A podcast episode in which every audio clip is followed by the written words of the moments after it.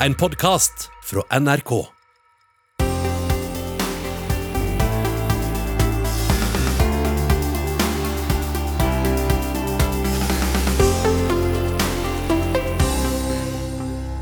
Vi liker å tenke at vi er verdens likeste land, men det er ikke like sant som det var før. Så kom korona. Rammer en pandemi Jørgen Hattemaker og kong Salomo likt, eller blir forskjellene bare større mellom de som kan sitte på hjemmekontor med lav boligrente og fyr i peisen, og de som mister jobben eller blir permittert? Du hører Debatt i P2. Jeg heter Sigrun Aasland og er nestleder i Tankesmien Agenda. Det er vi som har regien her på kanalen i dag, i disse timene der vi har fått låne sendetiden til Ekko. Vi snakker om økonomiske forskjeller og hvordan en pandemi rammer oss ulikt. Når samfunnet stenger og økonomien stopper opp, da ryker jobber. Og gjør det enda vanskeligere å få økonomien på fote igjen, fordi folk som ikke har jobb, de tjener ikke penger, og de bruker ikke penger, og da kan det vel hende at økonomien bremser enda mer. Litt senere skal vi spørre noen økonomer om hvordan man bygger opp igjen det som har vært stengt. Men først skal vi snakke om arbeid. Jeg har fått besøk i studio av Oddbjørn Råum, forsker på Frisch-senteret. Han følger med på utviklingen i arbeidsmarkedet og arbeidsledighet. Og eh, dere har jo, mens krisen pågikk, studert nettopp hvem det var som mistet jobb og inntekt, og hva har dere funnet ut? Ja, vi har eh, ved hjelp av eh, ulike registerdata studert mønstrene i arbeidsledighet eh, siden begynnelsen av mars. Og det er jo slik at ca. 500 000 personer i Norge har søkt dagpenger. Så det betyr at det er ca. én av fire lønnstakere i privat sektor som har vært eh, innom Nav og sendt søknader eh, i løpet av denne perioden. Så det vi har gjort, er å prøve å se ved hjelp av de meldekortene som eh, arbeidssøkende sender inn, hvor mye de har jobbet, og når de er tilbake i jobb. Og med veldig bred pensel så kan vi si at permitteringen og ledigheten har rammet bredt, men langt fra tilfeldig. Ser vi nå på tilbakevendingen til jobb, så er det sånn at tre av fire er tilbake i jobb nå, hvis vi tenker nå som september. Eh, men når vi nå ser nærmere på hvem det er, og hvordan forskjellene avspeiler seg på tvers av grupper, så finner vi ganske tydelige mønstre. For det første så er det sånn at eh, personer med si, svak inntektshistorie og svak tilknytning til arbeidslivet tidligere har vært mest utsatt. Innvandrere er mer utsatt enn de som er født i Norge. Og de som har lav utdanning, er hardere rammet enn de som har fullført videregående og har høyere utdanning. Så her er det mange mønstre som uh, trekker i retning av at uh, krisen har rammet ulikt. Mm. Hanna Gitmark, du er fagsjef i Tankesmien Agenda, og du har i høst også undersøkt litt hvem som ble rammet hardest av koronakrisen. Eh, hva tenker du om det Oddbjørn sier, og hva er det du har observert av hvem som har betalt høyest pris? Um, ja, vi har i Tankesmien Agenda gjort et samarbeidsprosjekt uh, med Handel og Kontor, fagforeningen Handel og Kontor, hvor vi har spurt uh, medlemmene hvordan de har opplevd uh, denne krisen. Og en oppsummering av det vi fant i spørreundersøkelsen, viser at mange av medlemmene har merka denne krisen både på kroppen og, når det gjelder lommeboka. De, mange har rapportert at de har opplevd økt arbeidsbelastning. De har vært bekymra for smitte. Mange av disse jobber i smitteutsatte yrker, som i butikk, f.eks. Um, og de har også opplevd å få dårligere økonomi og bli bekymra for den økonomiske situasjonen sin. Og noen har også opplevd, som jo illustrerer altså de mer forskningsbaserte funnene som Oddbjørn er innom, at de også har en partner som har opplevd å få miste vakter, f.eks., og er bekymra for økonomien. Eh, så er det også noen positive ting. Jeg kan jo si det, at noen også opplever eh, rapporterer at de har hatt godt samarbeid med arbeidsgiver i perioden. Eh, og det er veldig bra. Eh, men også i den spørreundersøkelsen vi har gjort, så ser vi at det er tydeligere forskjeller når det gjelder både bransje og kjønn og, og alder. Eh, og det er jo mange av de yngste som i mindre grad er fast jobb, som har opplevd at de f.eks. mister vakter og, og sånn. Um, så tenker jeg litt basert på det som Oddbjørn sier. Først vil jeg bare si at uh, det er utrolig spennende det de gjør. Det er veldig sjelden vi får følge forskning og følge utvikling i samtid, sånn som de fikk til, kasta seg rundt og, og, fikk til raskt. Så det har vært utrolig spennende, og det gir også en, sånn unik mulighet til å justere politikken underveis når man faktisk ser konsekvensene av av uh, både altså, smitten i seg selv, men også av tiltakene. Så det er utrolig vi er heldige som har hatt tilgang uh, til det. Og så tenker jeg Litt sånn at det, det, altså Alle har jo merket denne krisen på kroppen. Altså alle i hele Norge. ikke sant? Alle som har hatt barn eller barnehage, opplevd at skolen og barnehagen stengte. Alle som har opplevd mindre nærkontakt og mindre klemming og måtte jobbe hjemmefra. og, og opplevd at samfunnet har vært stengt ned og ønsker seg tilbake til tiden før 12. mars. Men så er det jo også sånn, da. Så denne forskningen viser at, at konsekvensene likevel har vært veldig skjevfordelte, både sosialt og økonomisk. Altså sosialt fordi mange sårbare grupper um, barn som eh, som, som, trenger skolen mer enn andre barn, hvor det var fristedet i løpet av en dag. Ensomme folk, spesielt ensomme eldre. Og så økonomisk, eh, som Oddbjørn sier, så noen har jo eh, opplevd store eh, konsekvenser, mens andre, sånn som meg, eh, har jo opplevd å få bedre økonomisk situasjon. Mange som har faste, trygge jobber, har jo opplevd å få det bedre fordi Sånn, boliglånene har blitt eh, billigere, og vi har liksom blitt avskåret fra å bruke penger. Eh, og det ser vi også. Og det siste poenget at Vi har jo eh, knapt sett, da, hvis du ser på landets rikeste, så kan man knapt se at det har vært en krise. Noen har jo opplevd å miste mye rikdom, mens andre har tjent masse penger under denne krisen. Spesielt de som tjener penger på dagligvare. Så en del har fått det bedre eh, også. Oddbjørn? Ja, Eh, det er veldig klare mønstre i hvordan arbeidsledigheten rammer, men det er ikke helt eh, enkelt å overskue alle fordelingsvirkningene sånn som vi sitter i ved det nå. Eh, vi ser klart i arbeidsmarkedet at folk med dårlig økonomi er, er hardest rammet av permitteringer og oppsigelser. Men det er mange rikfolk som taper også. Kanskje ikke så mye i løpende inntekt og merkes i forbruket, men, men det er jo sånn at eh, bedrifter kommer til å gå eh, konk, eh, og mange kommer til å tape verdier i form av at verdien av det de har bygd opp, faller bort. Så det er viktig. Samtidig så er det et paradoks, da, kanskje, at finansmarkedene ser ut til å leve sitt eget liv. Riktignok blir det kanskje noen dårlige år med utbytte her og der, men, men kursene i aksjemarkedet ser ut til å holde seg oppe. Så, så, det er vel litt tidlig å liksom, gjøre de endelige oppsummeringene rundt fordelingsvirkningene og konsekvenser, men, men det er klart det er, klare, det er klare tegn i den retningen at uh, dette vil bidra til økt ulikhet. Men heldigvis så kan du si at vi i Norge har inntektssikringsordninger, som vi sikkert skal snakke litt om senere, som, gjør, som demper disse i veldig stor grad, uh, sammenlignet med hva vi opplever i mange andre land uh, hvor, hvor man ikke har det. Du eh, fortalte oss nettopp, Oddbjørn, altså at én av fire ansatte i privat sektor har vært innom køen hos Nav. Eh, Hanna har gjort spørreundersøkelse blant ansatte i butikk, eh, primært.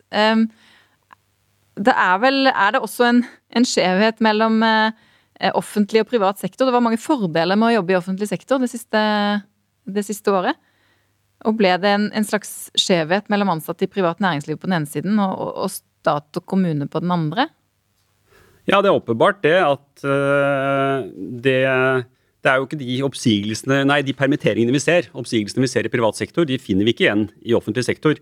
Det er klart det er en del grenseland, virksomheter som er i grenseland mellom privat og, sekt, privat og offentlig sektor, som vil, som, hvor det har vært permitteringer. Men, men, det, er klart, men det er det poenget med at uh, det ikke er tilfeldig hvem som jobber i se offentlig sektor gjør det også at en del av de ulikhetene som vi ser i samfunnet, f.eks.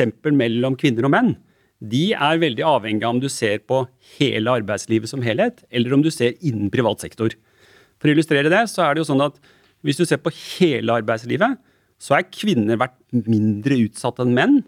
Men ser du innen privat sektor, så er det omvendt. Da er kvinner mer utsatt. Så det betyr sant, at, eh, at eh, da, når man ser på ulikheter langs den dimensjonen, så blir det spørsmål om du ser innen eller privat sektor eller hele økonomien. Tilsvarende med utdanning. Der er det sånn at uh, forskjellene etter utdanningslengde er større når man ser på hele arbeidslivet, eller når man bare ser på privat sektor. Nettopp fordi at uh, flere med høy utdanning jobber i offentlig sektor og er skjermet fra, fra permitteringene. Men innenfor privat sektor så er kvinnene rammet hardere. Hva kommer det av, tror du? Ja, det har vi prøvd å, å se litt på. Men, og det har en del med, mest med næringer å gjøre. Så vi pusser opp selv om det er krise, men vi Ja, altså det har med at de næringene som er hardest rammet, eh, også har flest kvinner. Eh, så, det, så når vi sammenligner kvinner og menn, for å si det litt enkelt, som jobber på samme type arbeidsplass, så er forskjellene mye mindre. Og så er det litt forskjeller avhengig av om du sammenligner menn og kvinner med og uten barn. Så det er noen kompliserte mønstre der, men, men, hovedbildet er at det er ganske små kjønnsforskjeller. Uh, I USA for eksempel, så er det mye tydeligere at denne krisen har, i motsetning til tidligere kriser, rammet kvinner mye hardere. Det tradisjonelle er i nedgangskonjunkturer så er det menn som rammes, fordi næringene der menn jobber, har tradisjonelt vært mer konjunkturutsatt enn der hvor kvinner jobber. Denne krisa ser helt annerledes ut. Så i mange andre land så er man opptatt av at denne ser annerledes ut og innebærer store forskjeller mellom menn og kvinner. Det ser vi ikke så langt i, i Norge. Mm. Du var inne på forskjell mellom høy og lav utdanning. Eh, og det er vel ikke spesielt for koronakrisen, men det er jo færre jobber for de som har kort utdanning enn de som har lang utdanning, samtidig som eh, alle skal jo ikke studere i mange år. Hva gjør vi med det, i det store på en måte bildet? Ja, jeg tror det er et av de, et av de viktigste spørsmålene nå framover, tror jeg. Fordi eh, det som skjer nå, er det som har skjedd i denne krisen, er for så vidt det samme som skjer ved når det går opp og ned i arbeidslivet. Nemlig at på den ene side så er personer med lav utdanning mest utsatt for å miste jobben. Og så har de dårligst sjanse til å komme tilbake til jobben. Så etter en stund så er den gruppen som da er uten jobb, da er de med eh, lav utdanning overrepresentert i den gruppa. Så er da spørsmålet hva skal vi gjøre med det? Eh, vi eh, har jo i regjeringen har jo innført nå en anledning til å ta utdanning sammen med dagpenger, som de som eh, vært eh, som det har vært veldig sterk politisk motstand mot, og som har vært oppe i debatten de siste årene, men som nå koronakrisen på en måte førte til at det ble en helt endring i den praksisen. Eh, så det som er spørsmålet, er hvor lenge den ordningen skal vedvare. Jeg og mange med meg har nok vært overrasket over at regjeringen har vært så tilbakeholden med å love folk muligheten til å ta utdanning. For det har hele tiden vært sånn at det har vært korte perioder hvor du har fått lov til å beholde dagpengene. Hvis du går inn på nav.no nå, så står det at du kan gjøre det, men, du, men, det kan bli slutt til jul. Så vet vi samtidig at det ligger et forslag inn i Stortinget. at Budsjettet eh, skal forlenge denne perioden til juni. Men for den arbeidssøkende så framstår det som om dette faktisk er slutt til, til, eh, til eh, nå til jul, eller til nyttår. Så jeg er overrasket at regjeringen ikke har gitt veldig klare signaler til de som nå kunne tenke seg å eh, ta opp utdanningen og fullføre videregående skole, f.eks. Og at de ikke har fått veldig tydelige signaler om at det skal, det skal dere få muligheten til å gjøre, samtidig som dere mottar dagpenger. Mm. Hanna, eh, vi har vært inne på dette med inntektssikringsordninger. Altså at de som har mistet jobben, har krav på penger fra Nav. Som jo gjør at Eh, man likevel har noe å leve av, i motsetning til i mange andre land. Men det har også vært en, en, eh, en debatt om det var nesten litt for lett å permittere ansatte i begynnelsen av krisen. Hva tenker du om det? Ja, jeg kan jo svare på det første uh, først, som også Oddbjørn har vært inne på, at våre inntektssikringsordninger de er jo Altså det er jo et fantastisk system både i krise og Eh, og i tider hvor det går bra, så går bra, så, så, gjør jo disse ordningene Det viser jo forskning at det bidrar jo positivt til omstilling. ikke sant? For vi eh, kan jo se på det som, altså Fellesskapet er et slags spleiselag som, som spleiser på kostnaden ved omstilling. Så det er mulig å si opp folk i Norge uten at man mister gård og grunn av, av den grunn, når man trenger det som, som, bedrift. Og i krisetid så er det jo helt åpenbart eh, bra. Man ser jo i andre land så så har vi sett at fordi man ikke har inntektssikringsordninger, altså du får ikke noe eh, økonomisk hjelp fra staten hvis du ikke har jobb, så går jo folk på jobb. for F.eks. i USA sant, har man sett at folk går på jobben likevel, også selv om de er smitta, for de har ikke råd til å la være, har ikke råd til å være hjemme.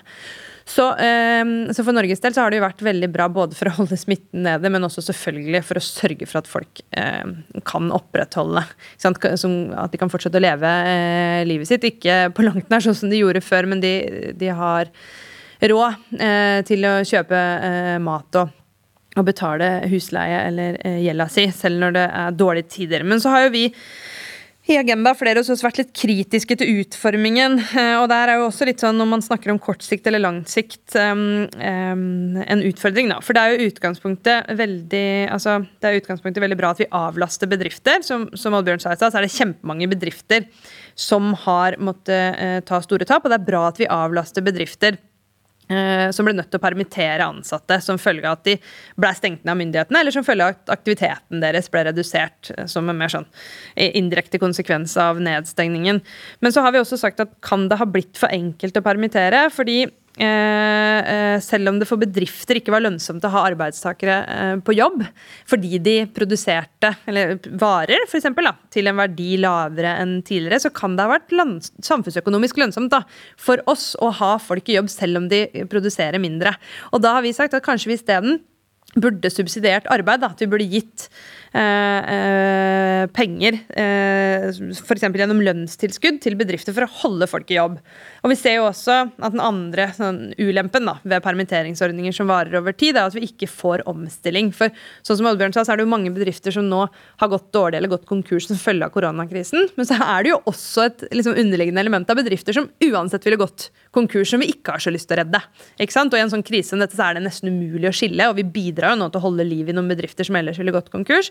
Og det tenker jeg liksom, det er kostnaden ved, ved dette, og den, den, tror jeg nok vi må ta. Men vi burde allikevel se enda mer eh, finere på ordningene, og også i et litt sånn større Vi har snakka om ulikhet i dag.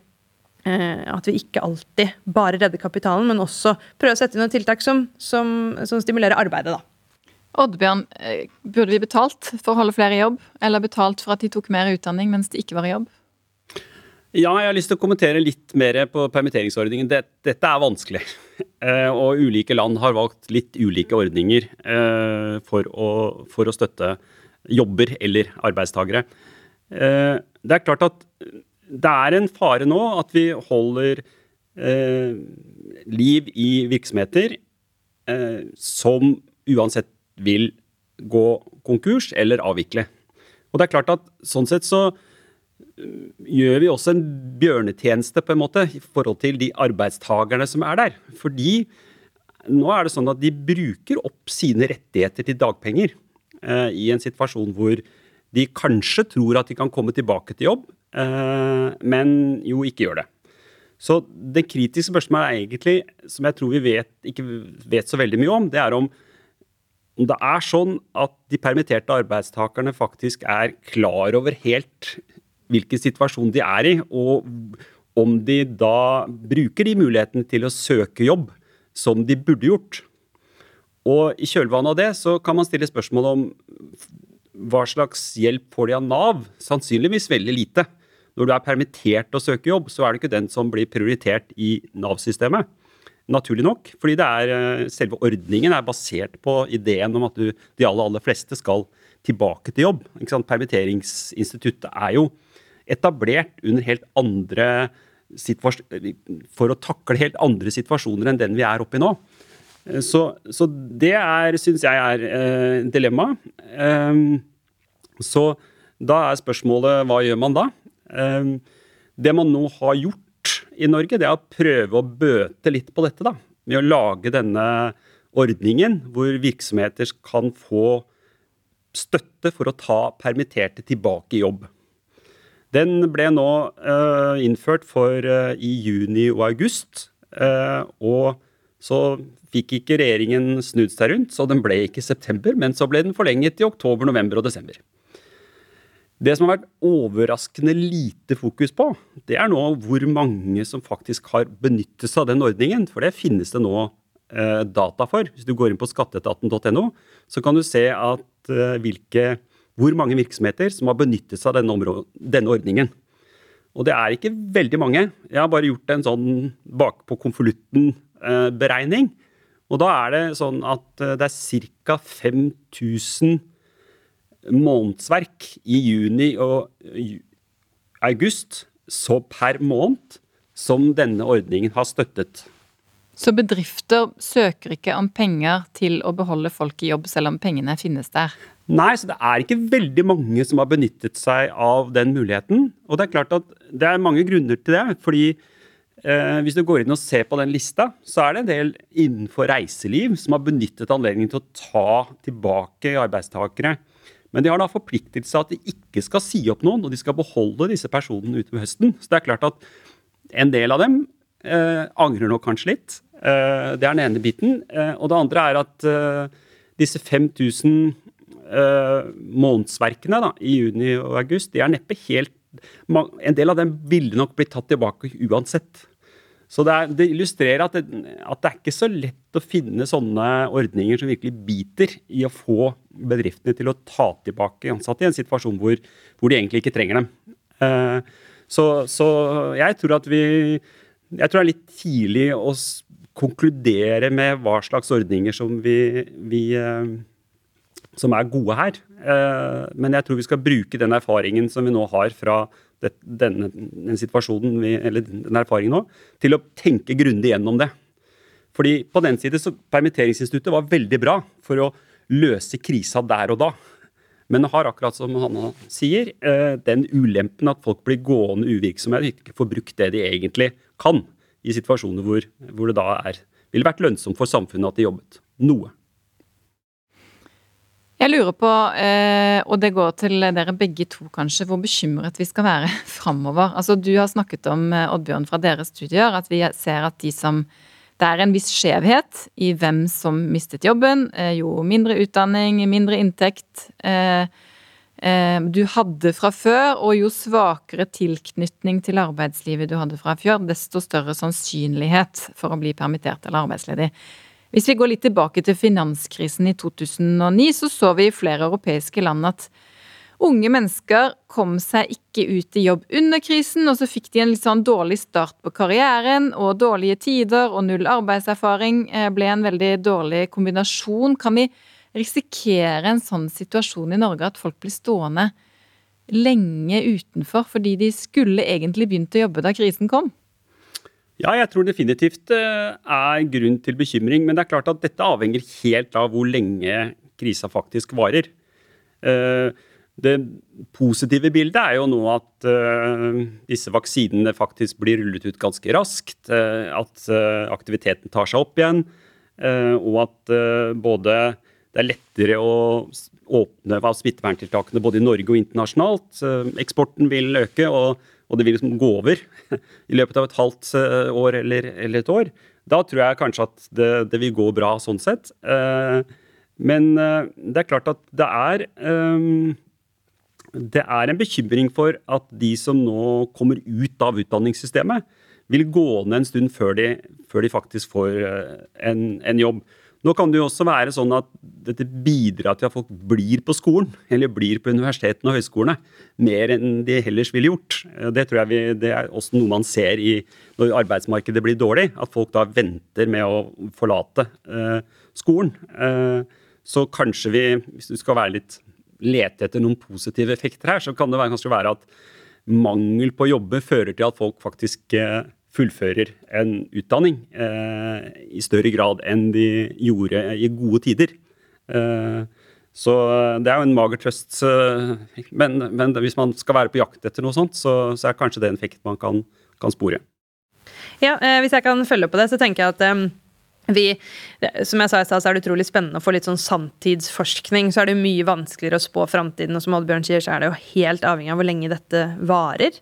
Eh, rett og slett. Jeg håper også at På den positive siden så kan det jo Det har jo allerede skjedd at det har sparket eh, litt sånn raskere i gang en del digitaliseringsomstilling, og også annen eh, omstilling.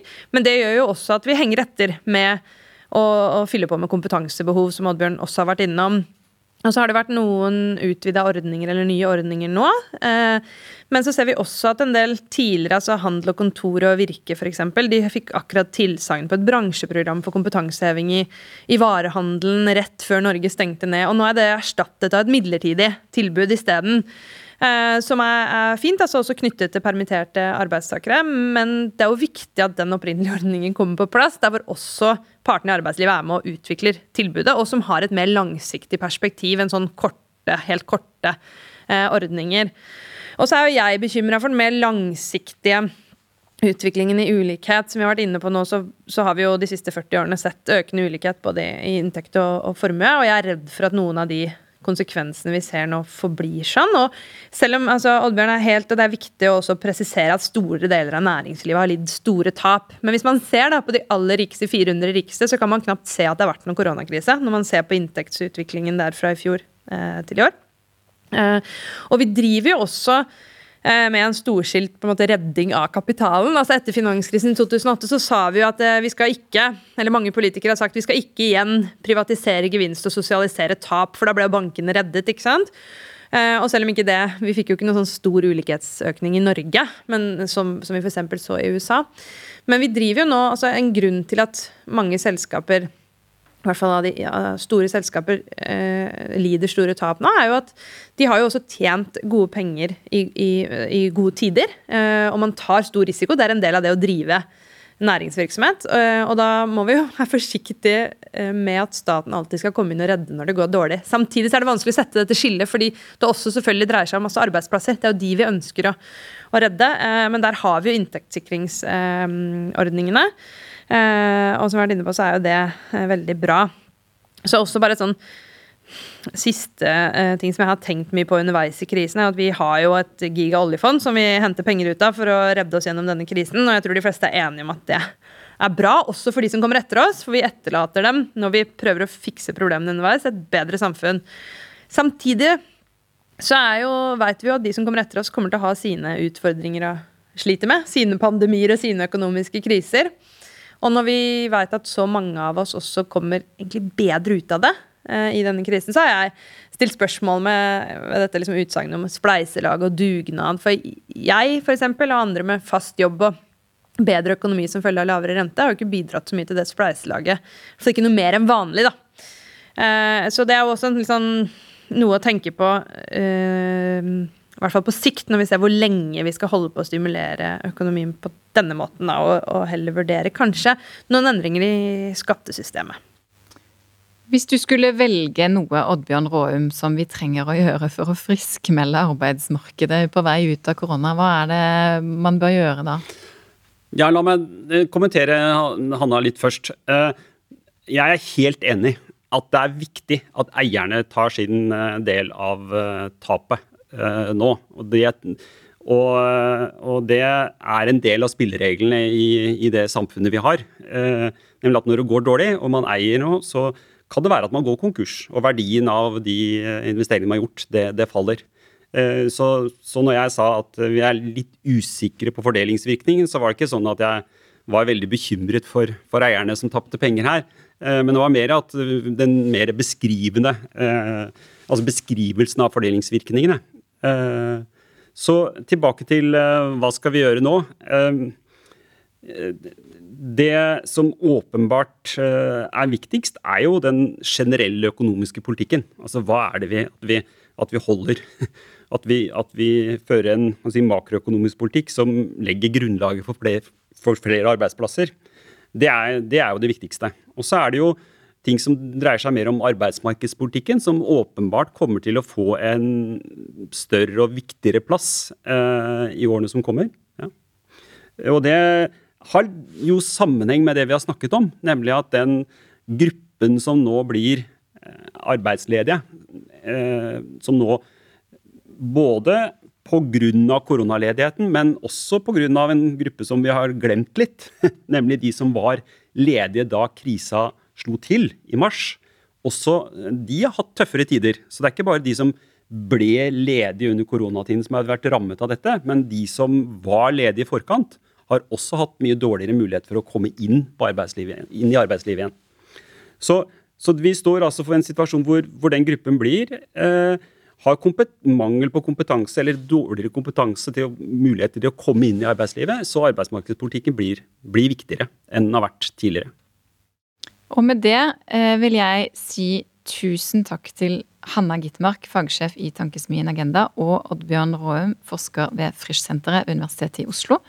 Du hører på Debatt i P2. Jeg heter Sigrun Aasland og er nestleder i Tankesmien Agenda, og det er vi som lager radio her nå. Vi prøver å finne ut hvordan det går med den økonomiske fordelingen gjennom en pandemi, og vi har snakket om arbeidsmarkedet og hvem som har mistet jobben, og hvem som slapp billigere unna.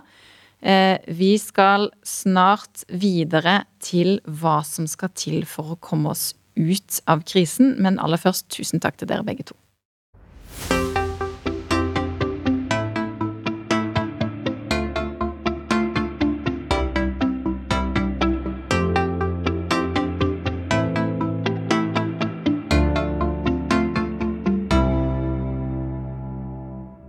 Hva med etter korona? Når det omsider kommer en vaksine, når folk har fått den, når vi kan åpne opp igjen. Hvordan gjør vi det? Hvordan sørger vi for jobber og boliger og gode liv også post korona? Velkommen til deg, Katinka Holsmark, postdoktor i økonomi ved Universitetet i Oslo. Takk. Nå har vi vært gjennom ulike grader av nedstenging, permitteringer, arbeidsledighet, som vi har snakket om eh, i den siste timen og litt til. Og vi har brukt mange, mange penger fra oljefondet. Men la oss nå si da, at det kommer en vaksine i løpet av neste år. Hva er det som bør gjøres for å få økonomien vår i gang igjen? Nei, Det som er eh, det aller viktigste, er selvfølgelig å få folk tilbake i arbeid. Så vi vil nok eh, ha behov for mye mer enn en normal pengebruk offentlig pengebruk også når vi er på vei ut av krisen etter hvert. Eh, men jeg tror noe av det aller viktigste det vil være å forsøke etter hvert å gå bort fra det som nesten har blitt et slags prinsipp i løpet av krisen om å eh, unngå konkurs eh, for bedrifter. Det har nok vært viktig, det har nok vært nødvendig å tenke på den måten gjennom krisen i ganske stor grad. Men når vi ikke lenger trenger de strenge smitteverntiltakene, så må vi forsøke å gjøre det på en annen måte. Eh, og det er fordi det prinsippet, eller det å forhindre konkurser i så stor grad som vi har gjort, det eh, har en del store problemer knyttet til seg. Det ene er, eh, som mange har vært inne på i løpet av krisen, at det, krisepakkene nok gjør dessverre at mange bedrifter ikke har sterke nok insentiver til å holde folk i arbeid, til å holde aktiviteten oppe, til å finne nye måter å bruke ressursene sine på. Men det andre, og det høres kanskje brutalt ut, men det er sånn at vi, vi, vi, ønsker jo at en del bedrifter skal gå konkurs. I et normalt år i Norge så er det mange bedrifter som går konkurs. Eh, og det er fordi vi har mange Altså vi ønsker at ressursene våre skal brukes der de kaster mer av seg i form av verdi for samfunnet. Eller mest av seg i form av verdi for samfunnet. Og det eh, får vi til hvis de som ikke egentlig tilfører så mye, over tid heller ikke blir lønnsomme og faktisk gå konkurs. Eh, så jeg håper at på vei ut av krisen, når, er, når vi har mindre smitteverntiltak, at vi får til å øke aktiviteten i økonomien på andre måter, gjennom, på mer tradisjonelle måter, egentlig. Gjennom å øke pengebruken, og kanskje eh, også redusere litt på skattene. For eksempel så kan man se for seg at å redusere inntektsskatten for de som tjener minst, er en av de måtene som eh, virker best for å få flere jobber nettopp til den gruppa. Ragnar Torvik eh, er også med oss. Du er professor i økonomi på NTNU. og Fra en økonoms ståsted, hva er forskjellen på akkurat denne pandemikrisen og andre økonomiske kriser vi har sett før? Jeg tror nok at det er flere ting som er forskjellige her. Det, det selvfølgelig eh, kanskje viktigste er jo det at eh, vanligvis når vi får en økonomisk krise, så er vi veldig innstilt på å fyre opp økonomien for å unngå at for mange folk blir arbeidsledige. Nå måtte vi gjøre det motsatte. altså Av smittevernhensyn så måtte vi stenge ned økonomien snarere enn å forsøke å holde den opp. Det er det, det første forskjellen, tror jeg.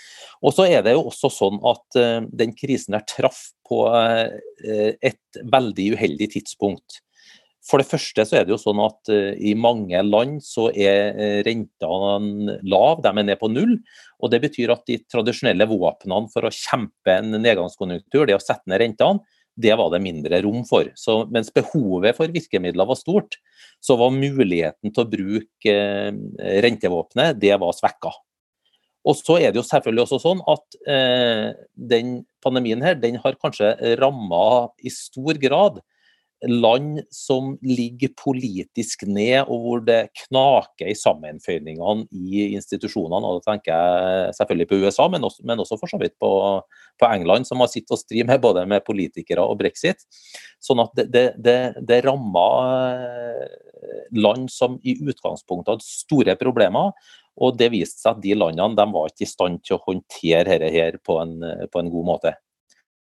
Og så er det selvfølgelig også likhetstegn med andre kriser, i den forstand at uh, verdensomspennende kriser, sånn som finanskrisen, det har jo en tendens til at det starter i ett land, og så sprer det seg til andre. Uh, det samme ser vi jo nå. Altså, uh, krisen starta, og den spredde seg. Og Det er nok en lærdom i det, tror jeg. For at vi økonomer har nok muligens gått rundt og trodd at når vi får en mer integrert verdensøkonomi, da blir det lettere å, å håndtere kriser. For at er det tørke og matmangel i Zimbabwe, så går det an å importere mat fra et annet land. Vi har nok kanskje i for liten grad tenkt på at uh, speilbildet av den integrerte verdensøkonomien, det er at det kan også gjøre at kriser lettere sprer seg. Og det er jo det som vi har sett nå. Skjedd, eh, skjedd nå. Men det, det, er for så vidt ikke eh, noe sånn forskjellig, for det har fellesnevnere til finanskrisen, selv om årsaken selvfølgelig er ulik. Mm. Eh, Katinka var inne på at når vi står i en sånn krise, vi bruker mye penger for å forsøke å, å holde økonomien i gang, så kan det også hende at vi, vi på en måte fryser omstilling litt. Da, at vi redder bedrifter vi ikke skulle reddet. Tror du vi ja. gjør det? Det tror jeg vi gjør. Og ikke bare redder vi bedrifter som eh, vi ikke bør redde, men vi stimulerer bedrifter til å øke aktiviteten som kanskje ikke burde ha gjort det. Uh, og det, det, er flere viktige perspektiver synes jeg, det eh, Katinka sier. For det første er det sikkert at vi redder arbeidsplasser selv om vi forhindrer konkurser. Svaret på det er veldig ofte nei. Altså Om et hotell går konkurs, så er selvfølgelig det trist for eieren. Men hvis markedet er der, så vil jo det hotellet bli kjøpt ut av konkursboet, og det vil bli drevet videre. Så selv om vi ikke redder eieren der, så kan vi likevel redde arbeidsplassene. De kan komme tilbake igjen når, når økonomien kommer på fotene igjen. Og det er et perspektiv som jeg syns har vært litt fraværende.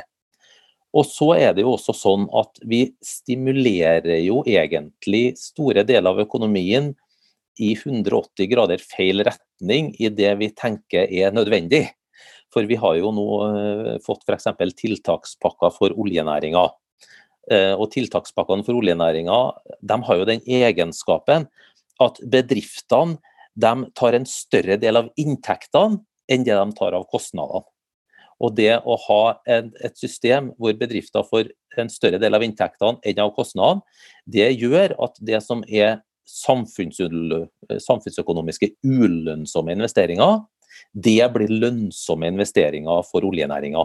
Og det gjør at eh, det offentlige får en dobbeltsmell. For det første så stimulerer de, eh, så stimulerer de aktivitet som ikke er lønnsom. Men for det første så er det dem som, nei, for det andre så er det dem som må betale ut det som er subsidier til oljeselskapene. Og Det er selvfølgelig eh, en veldig vanskelig situasjon, for vi har et kortsiktig problem. Da er det fristende å tenke at vi må opprettholde de jobbene som er. Men vi vet jo at de jobbene som er i oljenæringa, de må sannsynligvis ned ganske mye. Så vi kunne hatt et motsatt perspektiv. Vi kunne tenkt at jaha, nå er det kjempeproblemer i en næring her. Samtidig så vet vi at de problemene de er ikke bare kortsiktige, de er langsiktige.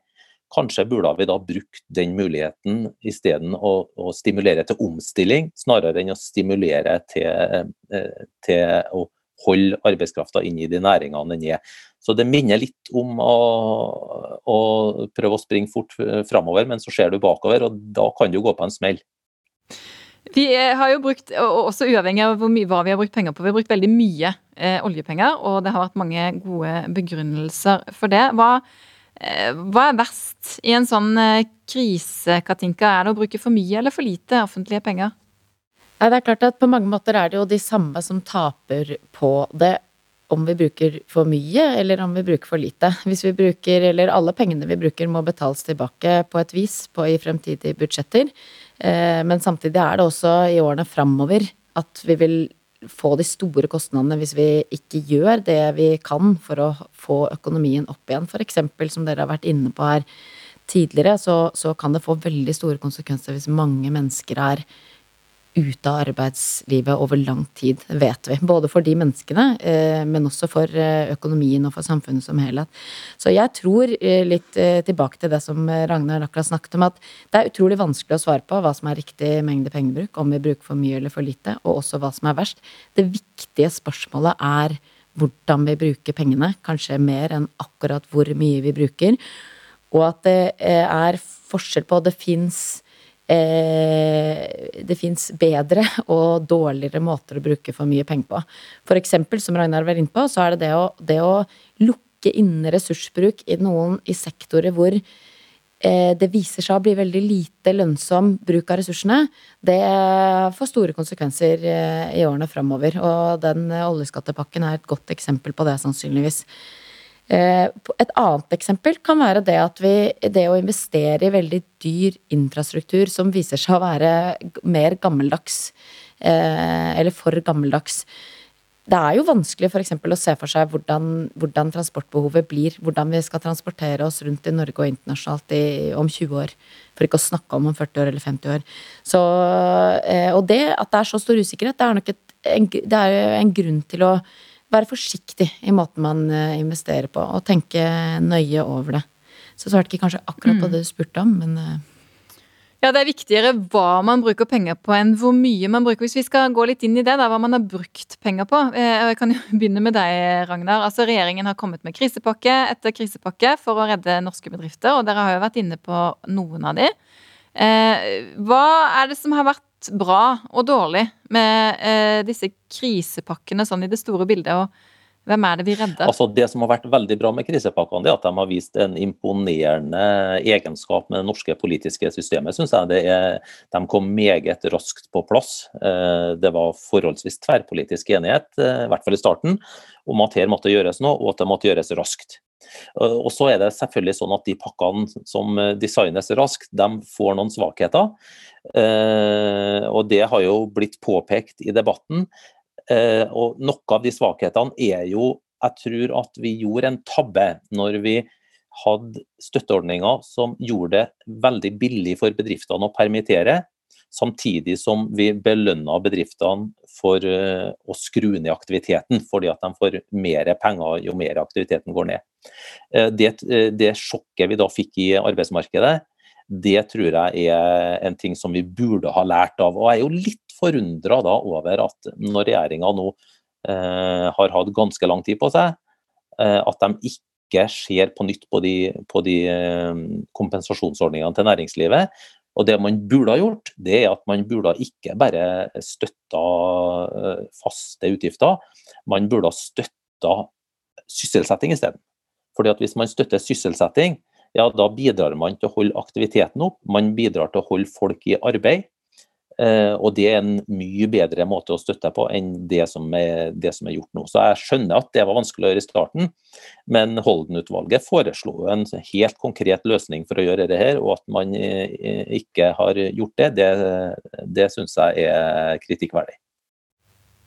Du må forklare hva Holden-utvalget er. Ja, Holden-utvalget. Det, eh, det, er jo flere Holden det er mange Holden-utvalg, men det Holden-utvalget Det er stadig ja, et Holden-utvalg. Men det Holden-utvalget jeg refererer til nå, som jeg også satt i sjøl, det er altså et utvalg som ble nedsatt av regjeringa i vår for å drøfte de økonomiske virkemidlene under koronakrisen og eventuell justering av de tiltakene. Og Det vi da foreslo, det var å legge om kompensasjonsordninga, sånn at vi tar bort den sterke effekten til å øke arbeidsledigheten og sette folk på porten. Så hvis bedriftene har fått støtte til å holde folk innenfor porten, snarere enn å sparke dem ut porten, så tror vi at det ville vært mye bedre for arbeidsmarkedet på kort sikt, og også på lengre sikt. For det er nå engang sånn at det kan være veldig mye vanskeligere å få arbeidsledigheten ned igjen hvis den går opp først. Men eh, hva tror du Det må jo være noen argumenter mot dette, da, hvis man, eh, det har blitt foreslått, men, eh, men likevel ikke blitt eh, gjennomført? Ja, det som var argumentet mot det som regjeringa brukte i starten, var jo at dette her er en ny ordning som det er administrativt vanskelig å gjennomføre, og den ble administrert av skatteetaten, og de må overarbeida. Det tenker jeg er valide argumenter. Nå har man jo bestemt seg for å legge den ordninga til Brønnøysund. Man har hatt et halvt år på å tenke seg om. Så hva som er da er motargumentet nå, det fremstår for meg som mer uklart. Katinka Holsmark, jeg har lyst til å spørre deg. Vi har gjennom denne sendingen snakket mye om fordeling, eh, om økonomiske forskjeller, og, om, og vi har hørt at arbeidsledigheten allerede i mars rammet veldig bredt, men også ganske skjevt i befolkningen. Hva betyr økonomisk ulikhet for hvor raskt økonomien kan komme på fote igjen etterpå? Det er stort og veldig vanskelig spørsmål. Det er nok veldig mange måter økonomisk ulikhet påvirker veien ut av krisen. Eh, og mange, vi og i hvert fall jeg, ikke gjennomskuer. Eh, men jeg tenkte at det er i hvert fall to eksempler på ting som vi gjør i Norge som reduserer ulikheten, som jeg tror også vil være viktig for eh, Eller gjøre det enklere for oss å komme ut av krisen enn mange andre land. Det første det er knyttet til det sosiale sikkerhetsnettet som vi har.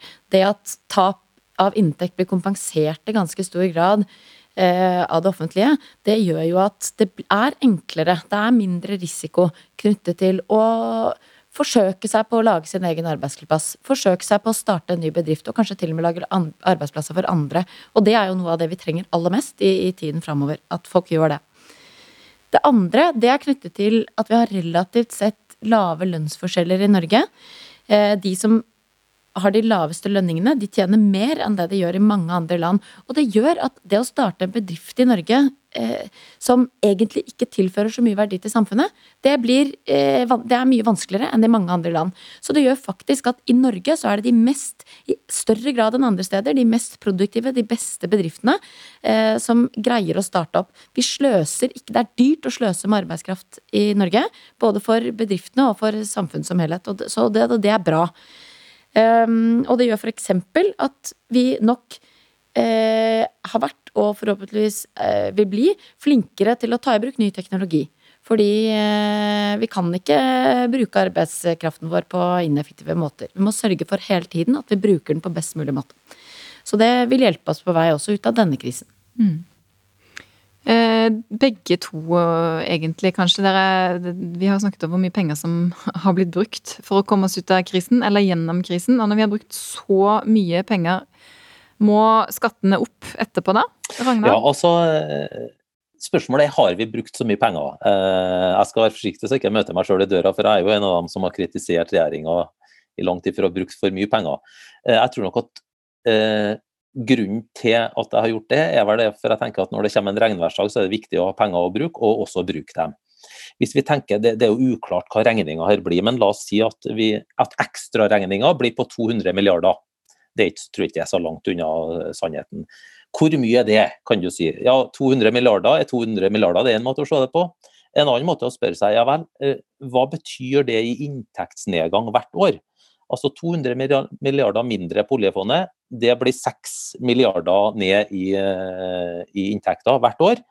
Og Det betyr at oljepengebruken da, som en følge av det, den må reduseres med ca. 2% Det er jo for så vidt et eh, tall, men det er ikke et veldig stort tall. Eh, det som er det virkelig kostbare, det er to andre ting. Det er for det første, hvis det er sånn at vi ikke får ned arbeidsledigheten igjen, så er det kjempedyrt. Altså Hvis det er sånn at, eh, at, at arbeidsledigheten blir f.eks. 1 prosentpoeng høyere, da snakker vi jo om en kostnad som er 10 eller 20 ganger høyere faktisk enn, enn de pengene vi har brukt nå. Og Det andre det er eh, blir det sånn nå at vi har egentlig forregna oss? Vi sier at vi skal ha 3% avkastning i oljefondet. Nå ser vi at uh, rentene er null så langt vi ser, avkastninga går ned. Sier nå at det ikke er 3 vi får i oljefondet, men at det er bare 2 vi får i oljefondet fordi at, eh, fordi at verden ser, eh, ser, annerledes ut, ja, da, det, da koster det oss eh, 110 milliarder i året. Eller det er 60 ganger så dyrt som de pengene vi har brukt nå på koronakrisen. Så er jo problemet selvfølgelig at det siste kan vi gjøre noe med. Synd for oss. Men det første, nemlig det å få folk i arbeid, det kan vi gjøre noe med. Og Det vil si at det som er virkelig viktig når vi går på vei ut av krisen, det er målretta tiltak uh, for dem som ikke klarer å komme seg inn i arbeidsmarkedet. For det er jo sånn at uh, arbeidsmarkedet det tar seg opp igjen. Men det kan sammenlignes med for dem som har sprunget 800 meter, som er to runder, runder rundt stadion, så vet de at første runde er lett og andre runde er vanskelig. Og Sånn er det i arbeidsmarkedet. òg. når økonomien tar seg opp igjen nå, så vil jo sysselsettinga øke ganske raskt. Det er den første runden. Men det som blir virkelig vanskelig, det er å få sysselsettinga opp og arbeidsledigheten ned tilbake til der den var igjen. Og det er der tror jeg at vi må ha målretta tiltak mot dem som sliter nå. For det er jo blitt sånn at uh, den krisen her, det har gjort det lettere for dem med bolig og sikker jobb. For de har beholdt jobben og fått uh, lavere renter på boligene sine. Og så har det gjort det vanskeligere for dem som ikke har bolig og ikke jobb. Og den kløfta der, den tror jeg det er veldig viktig at vi gjør noe med. Uh, men det er politisk veldig vanskelig å gjøre noe med det. Fordi at uh, dem som står uten bolig og dem som står uten jobb, Heldigvis nær sagt, så er de noe politisk flertall, men det er ulykkelig for dem, fordi at de får for liten innflytelse på politikken. egentlig. Vi, vi er for mange privilegerte som stemmer for en politikk hvor vi skal opprettholde våre privilegier i boligmarkedet i form av eh, en gunstig boligbeskatning. Og vi har blitt vant til det, det er mange som har blitt det. Så det er veldig vanskelig politisk å gjøre noe med det. Jeg tror veldig mange kan være enige om at det er et uh, problem. Både inntekts- formuesmessig og også mellom uh, yngre og eldre generasjoner. Katinka Holsmark, du var inne på i stad bl.a. den utfordringen det er å skulle omstille en økonomi når vi egentlig er mest opptatt av å redde det som reddes kan av bedrifter. Og nå vet vi at flybransjen sliter.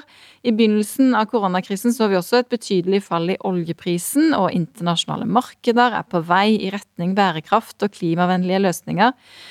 Er det mulig å bruke krisepakker til å få oss over i en grønnere økonomi? Ja, svaret på det er selvfølgelig ja, det er mulig. Vi trenger eh, store offentlige investeringer og relativt høy pengebruk i, tiden som kommer. Og det er selvsagt eh, sånn at noe av det, kanskje mye av det, kan og sannsynligvis også bør rettes inn mot utvikling av eh, mer kunnskap og teknologi på grønne områder, da.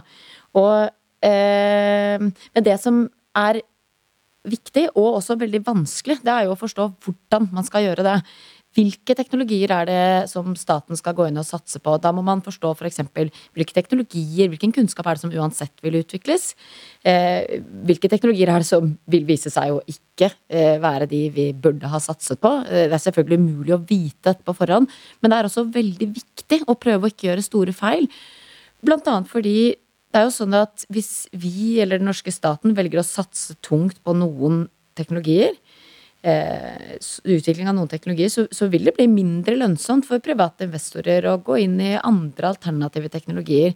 Så hvis det viser seg at vi velger helt feil ting, så er det ikke sånn at da var bare de pengene bortkastet. Da kan det også faktisk gjøre det enda mye vanskeligere å gå gjennom den grønne omstillingen. Ehm, så det er veldig vanskelige spørsmål, og det er store fallgruver vi kan gå i. Eh, og jeg tenker at eh, et viktig moment, det er Eller jeg tror det er viktig å ha flere tanker i hodet på en gang når vi eh, tenker på grønn omstilling, selvfølgelig.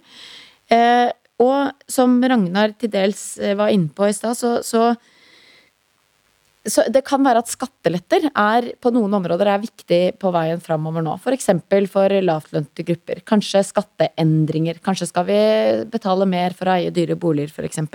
Men én måte å gjøre det mulig å lette skattene på noen områder, det er eh, uten å få for store tap i, i velferdsordningene vi har. Det er jo gjennom å bli bedre på å gjøre det dyrt å eh, forurense og ødelegge både natur og miljø og klima. Og ved å gjøre det, så kan vi slå mange fluer i, i en smekk. Vi kan eh, lette skattene f.eks. For, for lavtlønte, gjøre det enklere å få mange, flere av de inn i arbeid. Samtidig som vi reduserer utslippene, reduserer eh, utviklingen, eh, reduserer ødeleggelsen av natur og miljø. Eh, og så er det sånn at den aller viktigste, det aller viktigste elementet for å få private investeringer inn i ny grønn teknologi, det er nettopp å gjøre det dyrt eh, å forurense.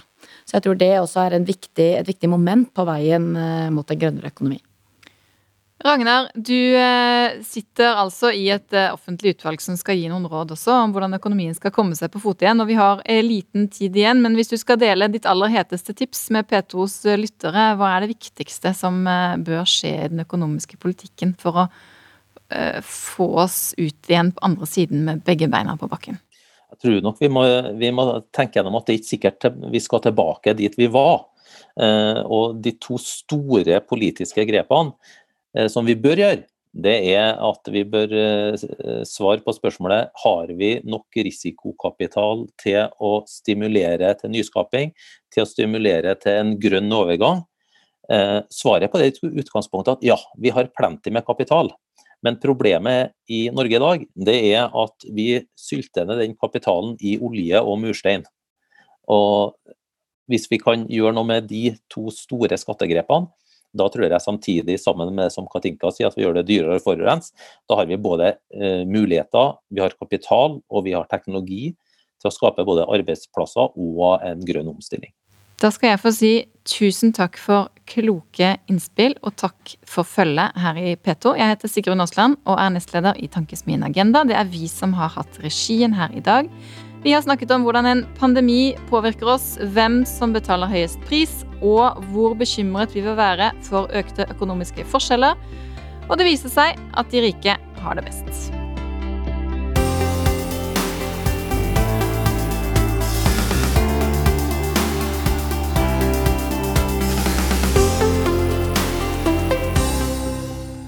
Du har hørt en podkast fra NRK.